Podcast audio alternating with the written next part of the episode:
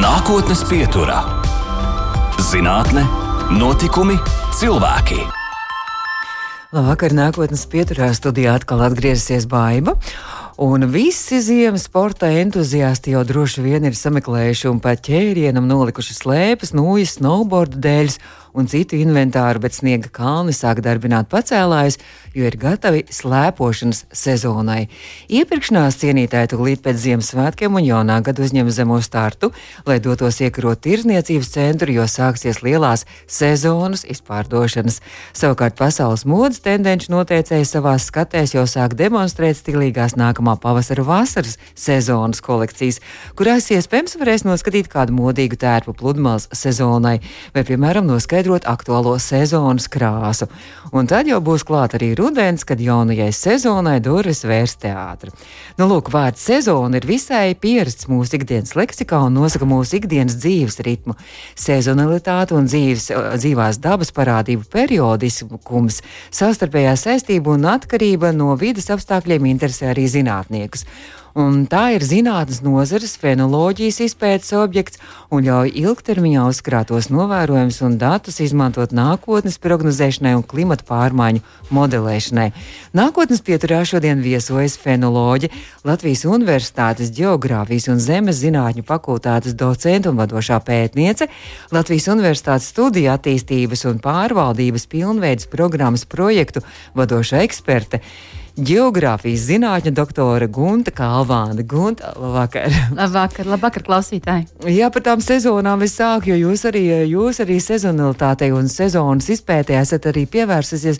Bet, nu, tad es gribēju vaicāt, šodien arī Latvijas vidas geoloģijas un meteoroloģijas centra dati liecina, ka šorīt Rīgas centrā bija izveidojusies vismaz 21 cm dziļa sniega sega, un tā ir biezākā kopš 21. gada decembra sākuma. Tā ir meteoroloģija vai fenoloģija? Tā ir meteoroloģija, jo par fenoloģiju mēs runājam vairāk tādā dabas ritmu kontekstā. Šī gadījumā tas būtu pirmais sniegs, kad mums Latvijas ainavā parādās ah. baltā sniega kārtiņa, vai arī tieši otrādi, kad balt, tas baltums pazūd. Un, mēs kā fenologi mēs esam tādi pirmā, pa, pirmās parādības naskie meklētāji, pirmā gailene, pirmā zemene sociālos tīklos nofotografēta, pirmais taurentiņš un tāds spilgtākās parādības mm -hmm. ainavā. Tā kā mums tagad ir jāgaida tikai ziemā, vispār nekas vairs pirmais droši vien nebūs. Būs jāgaida tikai pirmais, pirmais taurens, kā jūs teicāt, vai pirmais sniegpulkstenīts. Ziemā mēs parasti uh, analizējam ievāktos datus, ja tā varētu teikt. Bet uh, fenoloģija patiesībā ir daudz plašāka. Tas nav stāsts tikai par dabas ritmiem. Uh, nu, mēdz dalīt, izdalīt tādas sinonīmos saukt bioklimatoloģiju un jeb fenoloģiju. Un bioklimatoloģija, kā patiesībā jau no nosaukuma, tas ir bio plus klimats, un mēs pētām, kā laikapstākļi, klimats ietekmē jebkuru dzīvu organismu, tostarp cilvēku. Un ziemā savukārt parādās tāds cilvēcīgās sezonalitātes pazīmes, kā jūs pieminētā jau iepirkšanās, mm -hmm. kas ir arī ļoti sezonāli, teātras sezonas, seriāla sezonas, jā, dāvanu sezonas un alkohola patēriņa sezonas. Katram no šiem ir savs sezonālais cikls, jeb raksturs. Arī droši vien es tā iedomājos, ja jau ziema, uh, mandarīnu sezonu un piparkūku sezonu. Jā, tieši tā. Jā. Un tas, protams, ietekmē arī tāds biosociālos indikātors, kā piemēram dzimstība un mirstība arī šiem parametriem ir sociāli tādi sezonalitātes ritmi.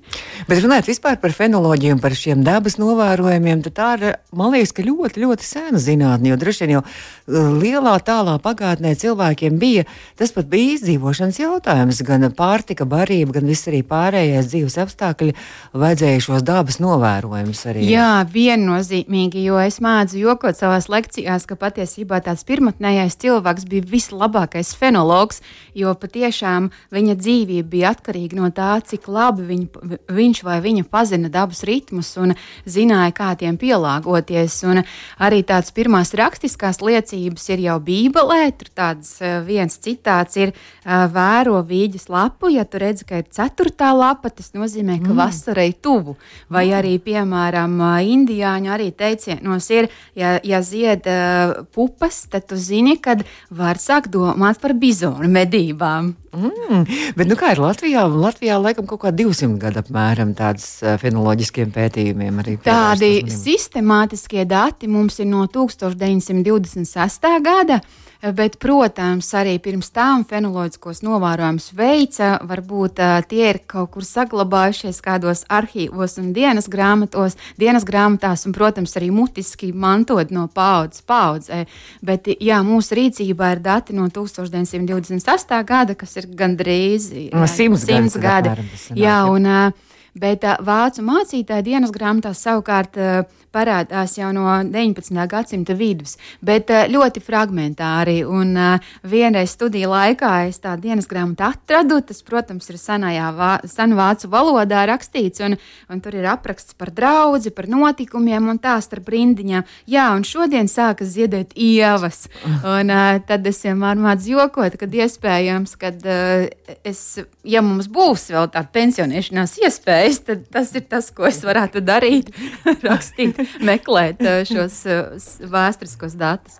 Bet jūs jau esat arī pētījis kopā ar saviem studentiem arī tieši šo simtgadu griezumācīm redzot, jā, tie, tie, kas ir dabas kalendāros arī publicēti, arī šie dati ir bijuši. Jā, mums uh, fenoloģiskos novērojums, protams, ievāc ar daudz, daudzveidīgām metodēm, un mūsdienās ir daudz un dažādas metodas, bet primārais avots vēl joprojām ir brīvprātīgie novērotāji. Tie ir interesanti, kam patīk vērot dabu, būt saskaņā ar dabu. Un 26. gadā tika izstrādātas tādas vadlīnijas, kā šāds novērojums pierakstīt, kam jāpievērš uzmanība. Un, jā, un tad tika aizpildīts tāds tabulas, kas patiesībā tā metodoloģija ir mainījusies, bet ne, ne pārāk daudz. Un tad šādas tabulas tika sūtītas uz universitāti, un tad universitāte savukārt veidoja tādas tabu, tabulas, pārskata tabulas, un, jā, un mēs šīs visas tabulas esam digitalizējuši, kas nozīmē, ka tas ir pieejams elektroniski jebkuram lietotājam, un trīs gadus atpakaļ mēs arī to datus ievietojām tādā atvērto datu repozitorijā, kas nozīmē, ka jebkurš pasaules zinātnieks var šos datus izmantot, un, protams, arī klausītāji. Tas ir ļoti vērtīgi. Bet es arī skatījos tieši arī tajā jūsu pētījumā, kur bija arī publicēts tieši ar, tie, ar to roku rakstītie arī tie, kur cilvēki ir aizpildījuši. Man liekas, tā ļoti aizkustinoši, ļoti mīļi un ļoti sirsnīgi. Tas ir tur pirmā maiva bola un pirmā varde sāka kurkstēt, un tur tāda, nu tāda par dzīvo raudību, viņa tiešām pirmais taurenis arī un pirmais ots arī. Jā, jā, jā, tas es esmu ļoti pateicīgi novērotājiem, kas vēl joprojām novēro un sūta. Un, tas patiesībā nemaz nav tik viegli. Mums mm -hmm. tikai tā liekas, nu, ieva zied, viss ir skaidrs, bet patiesībā ziedēšanas fāze iedalās vēl tādos etapos, un uh, tad mēs arī zinātnē daudz diskutējam par to, kā šo procesu automatizēt, un šobrīd arī ienāk digitālās fotogrāfijas, un uh, kā šo salāgot ar vēsturiskajiem datiem, un uh, fenoloģija ir ļoti mainījusies pēdējos 30, 40 gados. Ja kādreiz tas patiešām fenologs bija ieraudzīju, pierakstīju, tad eh, šobrīd tas ir es ieraudzīju, pierakstīju, mēģinu saprast, kāpēc, kas ir ietekmējušie faktori, kas to ir noteicis. Bet to jau tālāk zinātnieki dara, vai ne? Jā, tālāk jau jā. jūs to darat. Tas jā. jau jūsu darbiņš ir. Droši vien arī tas ir interesanti, ka Latvija mums ir maza, bet tajā pašā laikā ļoti liela. Tas, tas pirmais taurenis varētu būt eh, droši vien kaut kur liepājas pusē, droši vien agrāk, un, un, un kaut kur atkal austrumu latgalē varbūt daudz vēlāk, kādas nedēļas vēlāk. Arī. Jā, tā ir. Mēs ļoti ļoti bieži liekas, nu, Latvija mums tāda mīļa, maziņa, bet, ja jūs paskatītos tādu temperatūras režīmu, un, kas ietekmē, protams, arī fenoloģiskās fāzes, ar fāzēm es domāju šo pirmo taurēni un, piemēram, ievas ziedēšanu vai kartupeļu novākšanu, tad fenoloģiskais pavasaris Latvijas teritorijā iestājas no dienvidu rietumiem un lēnām pārvietojas uz ziemeļa austrumiem no apmēram divas, trīs nedēļas, bet ļoti atkarīgs, nu, katrs pavasaris ir ļoti atšķirīgs. Un savukārt rudenim ir pretējs raksturs, un to savukārt ir noteikuši mums ir atmosfēras cirkulācija, šīs eh, arī jūras straumes un, mm -hmm. principā, Baltijas jūra un Atlantijas okeāns. Jūs teicāt, ka fenoloģijas arī visas šīs izpētes metodas arī laika gaitā ļoti pilnveidojušās, mainījušās. Tad uh, droši vien nākuši klāt arī šie mm, fotomonitoringi, ja? vēl, jā. vēl satelīta dati varbūt arī kādiem. Jā, jā, nu, principā ir tādas piecas biežāk lietotās, protams, brīvprātīgie novērotāji, kas vēl joprojām, neskatoties uz šo tehnoloģijas attīstību, spēlē ļoti lielu no, lomu, tāpēc, ka, piemēram, satelīti parādās, piemēram, mākoņu radītie trokšņi. Nu, respektīvi, troksnis nozīmē, ka tur ir tukšs. Mēs mm -hmm. nezinām, kas tur ir noticis. Un arī tādā sugu līmenī cilvēka acis vienmēr ir daudz, daudz niansētāka un spēja vairāk izšķirt. Un, jā, satelīta attēli, bet uh, satelīta attēli vairāk. Uh, fiksē, piemēram, zaļošanos, zaļošanās parādīšanos, piemēram, Eiropas teritorijā vai pasaulē, vai arī savukārt rudenī pretējs ir, angļu valodā to mēs saucam par green up and green down zaļošanās sākums un zaļošanās beigas, ko mēs varam mm -hmm. redzēt. Protams, mēs izmantojam arī uh, šīs aerofotogrāfijas, un arī dronus izmanto, arī uh, kameras, un kameras fotografē divos līmeņos. Ir pētnieki, kas saliek kameras pie katra koka un auga, un tad viņi fiksē tieši individu līmenī, un tad ir lielās ainavas kameras, kad skatās tādā ainavas līmenī. Un kas vēl jauns ir ienācis, Tas ir herbārija materiāli, ņemot vērā to, ka mūs interesē, kas ir noticis pagātnē, tad tas ar vien tāds trendīgāks avots paliek, kad mēs arī skatāmies herbārijos, jo ļoti bieži herbārijos ir datums, kad, piemēram, ziedēšana notikusi, vai tiek izmantots arī vēsturiskās fotogrāfijas. Mm -hmm. un, un te arī varbūt es uzreiz reklāmas pauzi.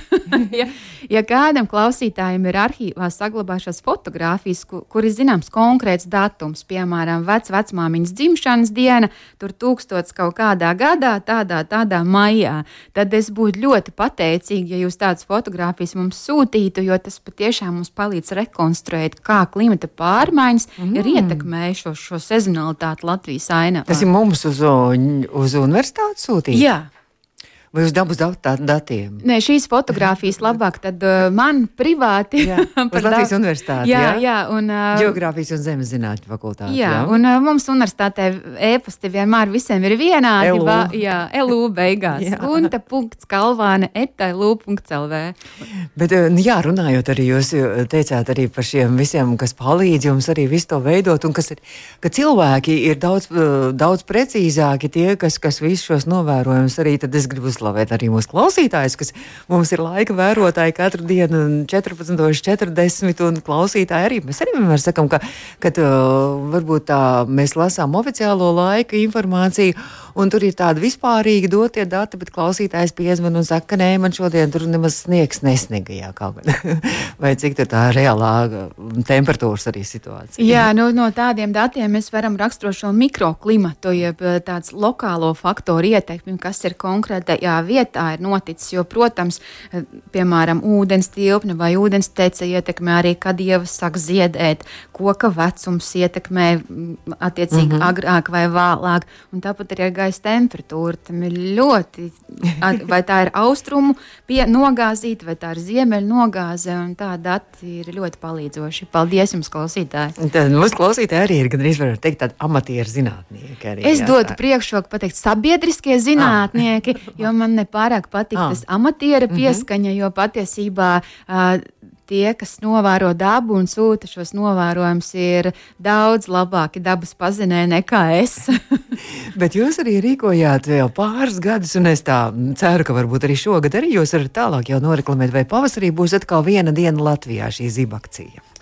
Ja es ļoti ceru, ka uh, būs kāds atsaucīgs students, un ja kāds students klausās, tad uh, ziniet, kad es gaidu. Bet patiesībā arī jebkurš klausītājs varētu iesaistīties un man palīdzēt. Jā, zibakcijas mērķis bija vienā die, viena diena Latvijā. Tāds nosaukums tas nozīmē, ka mēs pētījām vienu dienu Latvijā, un uh, Latvijas iedzīvotāji tika aicināti iesūtīt uh, trīs sugu fotogrāfijas, kas ir ļoti plaši sastopamas un viegli atpazīstamas. Tieši konkrētā ceru. datumā. Jā, vienā konkrētā datumā. Tas bija 30. aprīlis, divus gadus pēc kārtas, un tas bija ārā bērns, parastā ieva un parastā ābele. Uh, tu, es ceru, ka lielākā daļa šīs sugas atpazīst, bet uh, bija arī tāda, kas teica, ļoti interesanti. Tagad es visur redzu ievas, lai gan pirms tam man likās, ka man nav nevienas.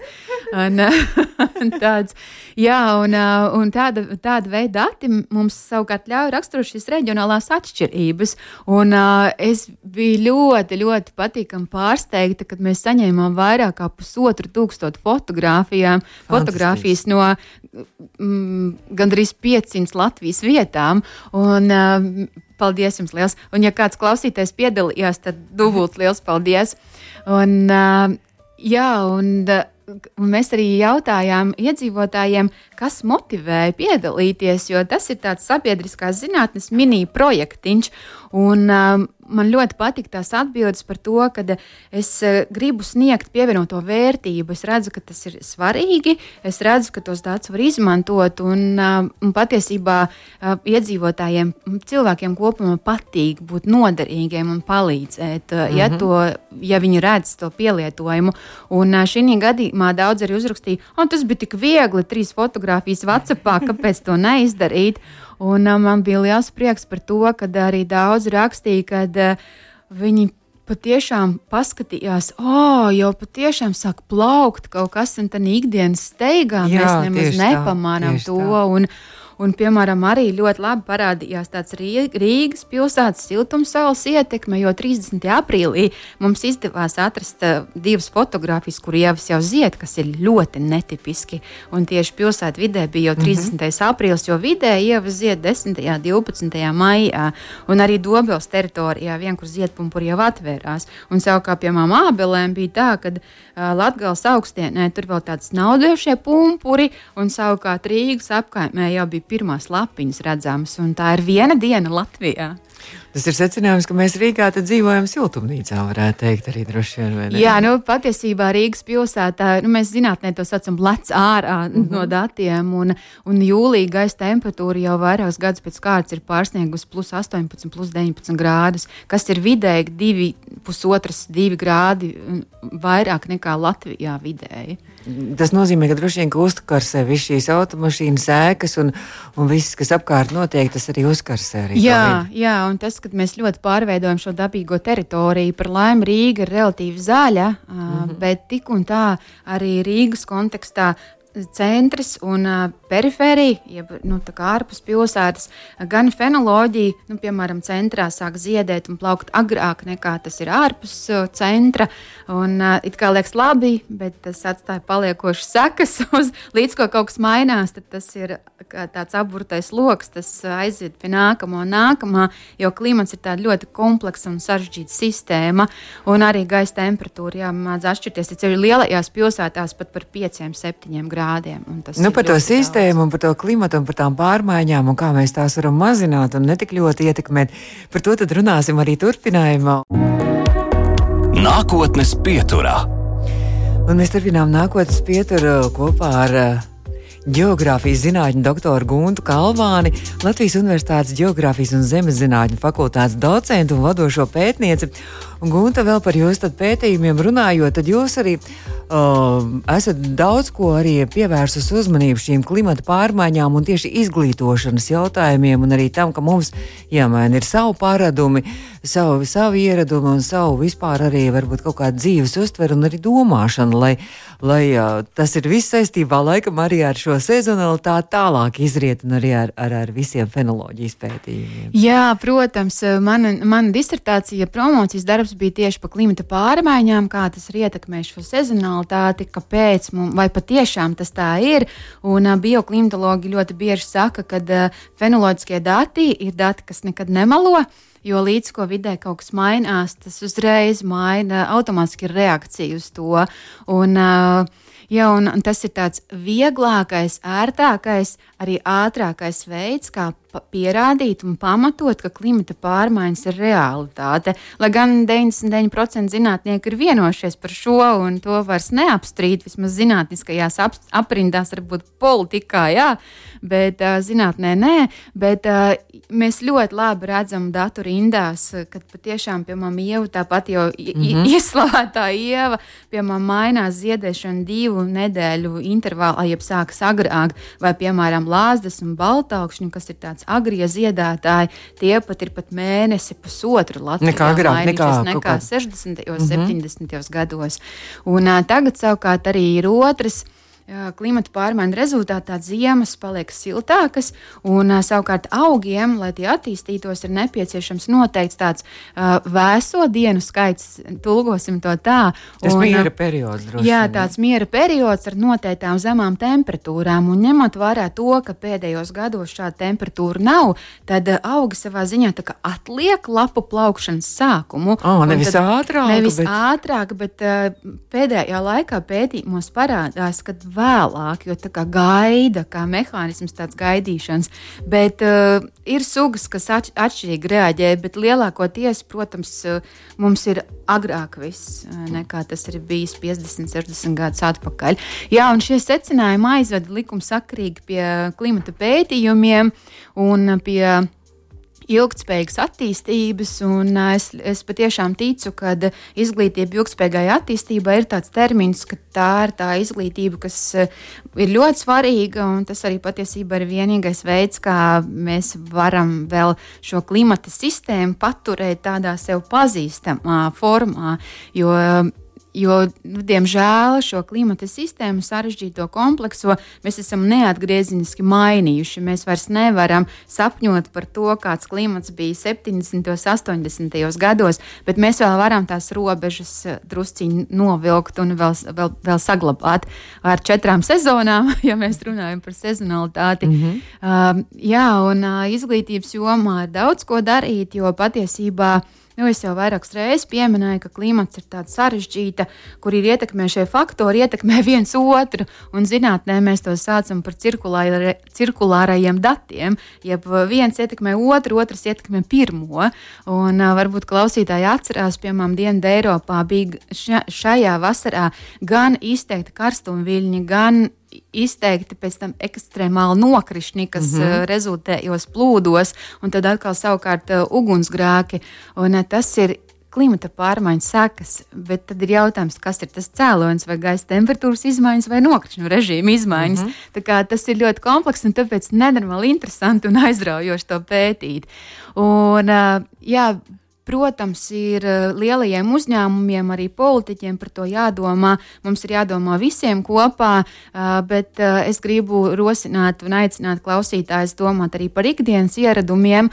Un, ja parasti man vienmēr saka, bet nav jau jēgas, ka es viens pats to darīšu, tad es vienmēr pasaku, nu, Tagad tu padomā, ja es darīšu, tu darīsi, un vēl viens miljons iedzīvotāju to darīs. Tas nozīmē, ka mēs varam ietekmēt lietas, bet, protams, kopā ar politiķiem, ar ekonomistiem, ar lielajiem spēlētājiem. Bet ko darīt? Nu, ko mēs varam ar kādiem, kas ir tie sīkumi, ar ko mēs varam sākt?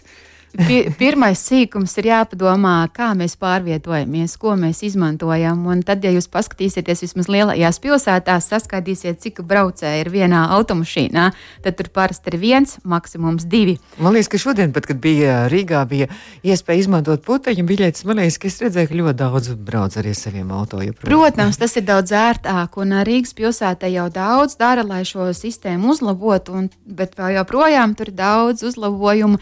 Uh, bet uh, mums ir jāpadomā, kā mēs pārvietojamies. Jo patiesībā transports ir viens no lielākajiem siltumnīca efekta izraisītāju gāzēm, kas savukārt sasilda šo planētu, mū, mūsējo planētu.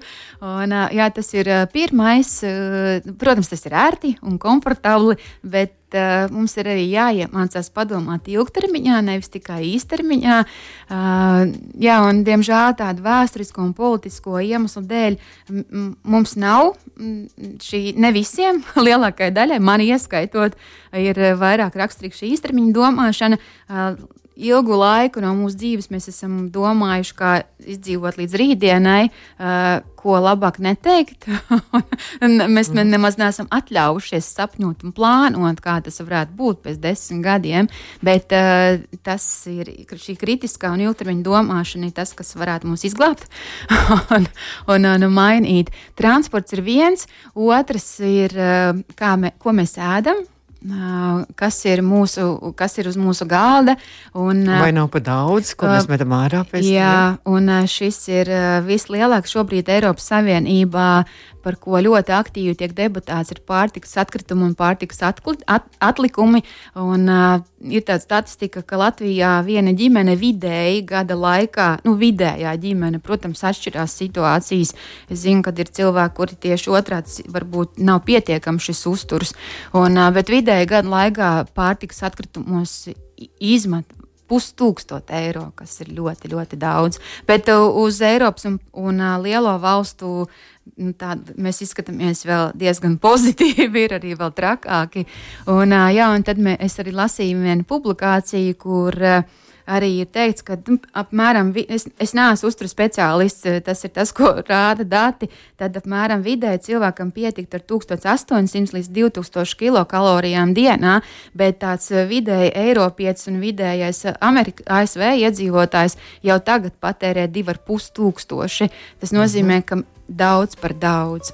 Un uh, arī tuvojas ziem... varbūt, es, es, jā, Jūs laikam tieši to sakat, ko es gribēju pavaicāt. Jā, ka droši vien, ka saistībā ar Ziemassvētkiem un ar visu sāksies arī visi tie pārtiks patērēšana un pārēšanās. Jā, un tad ir, jā, tas ir vēl viens svinēsim ilgspējīgākus Ziemassvētkus gan tādā pārtikas ziņā, gan arī apdāvināšanas ziņā. Un, gan jā, tā... iesaiņojumu, iepakojumu un viss skaisti tas viss ir. Bet, uh, man ļoti patīk iesaņot dāvājumu dāvanas. Un, uh, es vienmēr saku, ka ir arī, ja tev patīk, tad dari to, bet uh, tad ir citi veidi, kā palīdzēt uh, planētai un klimata pārmaiņas mazināt. Un, uh, bet, ja jūs iesaņojat dāvanas, tad pievērsiet uzmanību uh, tādai zīmītei. Tur ir tāds uh, kociņš, ja, ja ir koks uz uh, papīra iepakojuma, tas nozīmē, ka tas ir ražots no ilgspējīga apsaimniekota meža. Ja, tad to var izmantot, vai arī karto, nu, kartons plānos. Un, uh, jūs paskatīsieties, ir tik tik daudz radošu, dažādi iesaiņojumu un tāds, jā, transports, uzturs, uh, tas, ko mēs velkam mugurā, šis uh, uh, ļoti bieži tagad saka, kad tā zaļā mode ir jaunais normālais. Un, un šeit man ļoti uzrunāja viens žurnālistis rakstītājs, kad tad, kad tu nopērc kādu tēkrāklu pa mazām naudiņām, Visticamāk, ka to ir šuvis kāds mazs bērns kaut kur Āzijā vai Āfrikas kontinentā, un tu padomā, vai tu gribētu, vai tas ir tavējais. Nu jā, kā jā, arī droši vien par to ir jāpadomā, jo sāksies, kā es teicu, izpārdošanas sezona sāksies, būs klāta. Un, Un tad jau vienkārši ļoti daudz nepadomājot, arī pērk vienkārši tieši tāpēc, ka, ka liekas, ka lēti ir un lētāk var būt nopirkt. Tagad, eh, starp citu, tiem varbūt, kas ir, eh, kam patīk iepirkties, tad eh, tagad ir arī tāds lietotnes, kas palīdz atgādināt, kas tev ir skapī. Un tad tu vari paskatīties, ah, man jau ir četri melni svārki, varbūt piektos man nevajag, ja, vai tā kā palīdz arī sakombinēt šīs kombinācijas. Un es vienmēr uh, sev uzdod jautājumu, vai man to vajag. Un arī mēdz ieteikt, padomā vēl divas dienas. Droši vien arī šī fenoloģija arī palīdz arī uh, gan lauksēmniecībā, gan arī prognozēt arī uh, ražas un prognozēt arī visu lauksēmniecības apstākļus un daudz kur arī citur, ne tikai ne tikai meteoroloģija, klimata pārmaiņās. Jā, klimata pārmaiņas ir uh, tikai viena no nozarēm, kur uh, šos fenoloģiskos datus izmanto. Protams, tradicionāli tā ir bijusi lauksaimniecība, arī starp citu turismā. Un, uh, tad ļoti bieži turisma maršrutus un tāds ceļojuma galamērķis pielāgo fenoloģiskajām norisēm mm -hmm. dabā. Piemēram, ir tāda Austrijā ir īpaši velo maršruti brīdī, kad zied ķirši Aha. vai arī plūmes. Un tad, nu, protams, oh, Holandē jau arī brauc skatīties uz tulpēm, un tad, ja tu nezini, kad ziet tulpes, tad tu vari palaist garām šo skaistumu, un, protams, kur mēs braucam zelta rudeni baudīt, ja, tā kā tāds. Un ievas. jā, un ievas, un uh, vēl, protams, arī medicīna, jo, diemžēl, miljoniem cilvēku pasaulē cieši no polinozes, jeb ziedputekšņu izraisītās alerģijas, un tad arī attiecīgi zinot šo ziedēšanas sākumu, tad mēs varam arī pasargāt, un tad bija pētījums arī, kad, ja, ja ir smaga šī polinozes forma, tad darba devējs zaudē darbinieku uz 56 kalendārajām dienām, kas jūs varat izrēķināt, kāds mm. ir mhm. zaudējums darba devējiem. Un tāpēc šeit ienāk fenoloģija, bioklimatoloģija, arī modelēšana, un arī mana kolēģi ir izveidojusi tādu lietotni, kas paziņo nu, uzmanību, tagad uh, zied tas un tas, kas tev var, var radīt alerģiju. Tā kā fenoloģija ir ārkārtīgi plašs pielietojums un arī praktisks. Nākotnes pieturā - zinātne, notikumi, cilvēki. Turpinām nākotnes pieturu, ka tu strauji tuvojas noslēgumam. Un mums studijā šodien viesojas fenoloģija Latvijas Universitātes Geogrāfijas un Zemes zinātņu fakultātes docenta vadošā pētniece. Geogrāfijas zinātņu doktora Gunta Kalvāna. Gunta, es jau par tiem, tiem sabiedriskajiem fenologiem, jā, zinātniekiem. Jā. Gribēju vaicāt, vai arī tās piedara pie, pie šodien, šodien piemēram, Andreja diena. Un ir arī tādi sēni ticējumi, arī, kas prognozē arī laiku. Un, tā, ka, piemēram, es paskatījos Andreja dienā, ja ir sniegs, tad, tad visu ziemu būšot arī saules, bet, ja ir sniegs, tad arī vēl varētu būt, ka, ka būs, ah, ja ir uh, pilnmēnesis, naktis skaidras un augstas, uh, bušot uh, silts un maigs mājas, bet lietains. Vai, vai, vai tas arī pieder šie, šie tautas novērojumi un ticējumi? Es domāju, ka noteikti jā, un uh, tas ir tāds mūsu kultūras mantojums, kuram es arī redzu tādu pievienoto vērtību, un ir labi, ka mums tāda ir, bet uh, es kā zinātnieks neesmu to pētījis, līdz ar to es nevaru nokomentēt, bet uh, noteikti tur apakšā ir kaut kāds tāds arī racionālitātes graudiņš, un, un uh, Tā nav tīrā folklora. Nē, es domāju, piemēram, mans vecāks arī bija fantastisks dabas pazinējs. Un, neskatoties uz savu varbūt tādas formālās izglītības trūkumu, viņš zināja par dabu daudz vairāk nekā es. Un, uh, tas nozē, nu, noteikti sakņojas tādā dabas vērošanā, jušanā, būšanā. Un, tam patiešām ir tāds saknes. Bet jā, man nav pierādījumi par šo, tāpēc es tā varbūt nekomentēšu šo vairāk. Bet kā jūs nonācāt līdz tai fenoloģijai? Tas jau bija bērnībā, nu ne jau, ne jau necaucāt to kā fenoloģiju, bet jo, jo es, man liekas, ka jūs arī sadarbojaties ar mazpulkiem arī un bērniem. Arī man liekas, ka ļoti interesanti un patīk šādu novērojumus arī veikt un reģistrēt. Jā, nu, manā, mans ceļš līdz geogrāfijai laikam ir no tādas bērnības, jo mans tētis mēģināja mūsu brāli uzsēdināt tādas lielas politiskās kartes, un mēs ar brāli ceļojām no Rīgas uz Tokiju vai no, no Rīgas uz San Paulu. Un tad, man liekas, tas jau radīja tādu mīlestību pret geogrāfiju, tādu pasaules izzināšanu. Un, un arī mani skolotāji, kā ar savas vidusskolā, kaut kā laikam man noticēja, un jā, varbūt arī ieraudzīja kaut, kā, kaut ko manī, un ļoti man atbalstīja, par ko es esmu ļoti pateicīga. Un, un es 9. klasē jau zināju, ka geogrāfija ir mans ceļš. Un, mm. Un, um, jā, un es Jums esmu, bija labi skolotāji, kas jā, aizrauta mācīja. Ļoti, jā. ļoti. Es esmu ļoti pateicīga maniem pedagogiem. Un tad tas tāds likums sakarīgi, ka tu pabeidz maģistratūru geogrāfijā, tad man darba vadītāji pajautāja, bet tu taču nāks uz doktorantūru.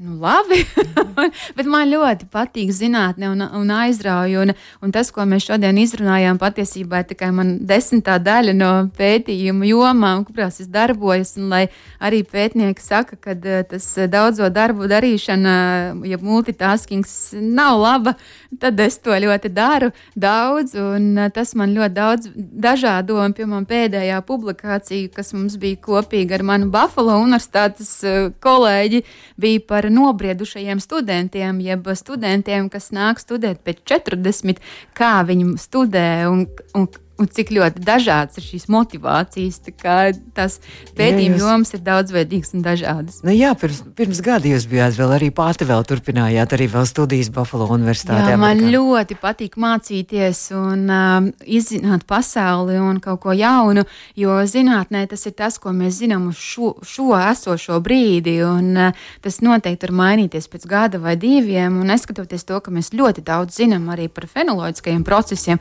tik un tā vēl ir milzīgi miljoniem neatbildētu jautājumu. Tāpēc mm. jau tā zinātne ir tik fascinējoša un aizraujoša. Jā, es arī papētīju jūs tos pētījumus, un tad jums arī ļoti plaši ir pētījumu lokus gadījumā, bet mēs ne, nepaspējām laikam un nepaspēsim arī izrunāt par Baltijas jūras reģionu, kur jūs arī kā tur ir secinājumi, ka mums ir visstraujāk Eiropā arī tās klimata pārmaiņas. Arī. Jā, tā dati liecina, ka Baltijas jūras reģions un vispār jo tālāk uz ziemeļiem teritorija, jo tā ir sensitīvāka pret klima, klimata pārmaiņām un arī uz ietekmi uz ekosistēmu ir straujāka un neatgriezeniskāka. Jā, tas, protams, mēs sadarbojamies arī ar Eiropas līmeni, mēs esam tādās Eiropas līmeņa grupās, un, jo tā ir tā tēma, ko nevar skatīties atrauti. Mēs mm -hmm. vienmēr skatāmies kontekstā un, un analizējam.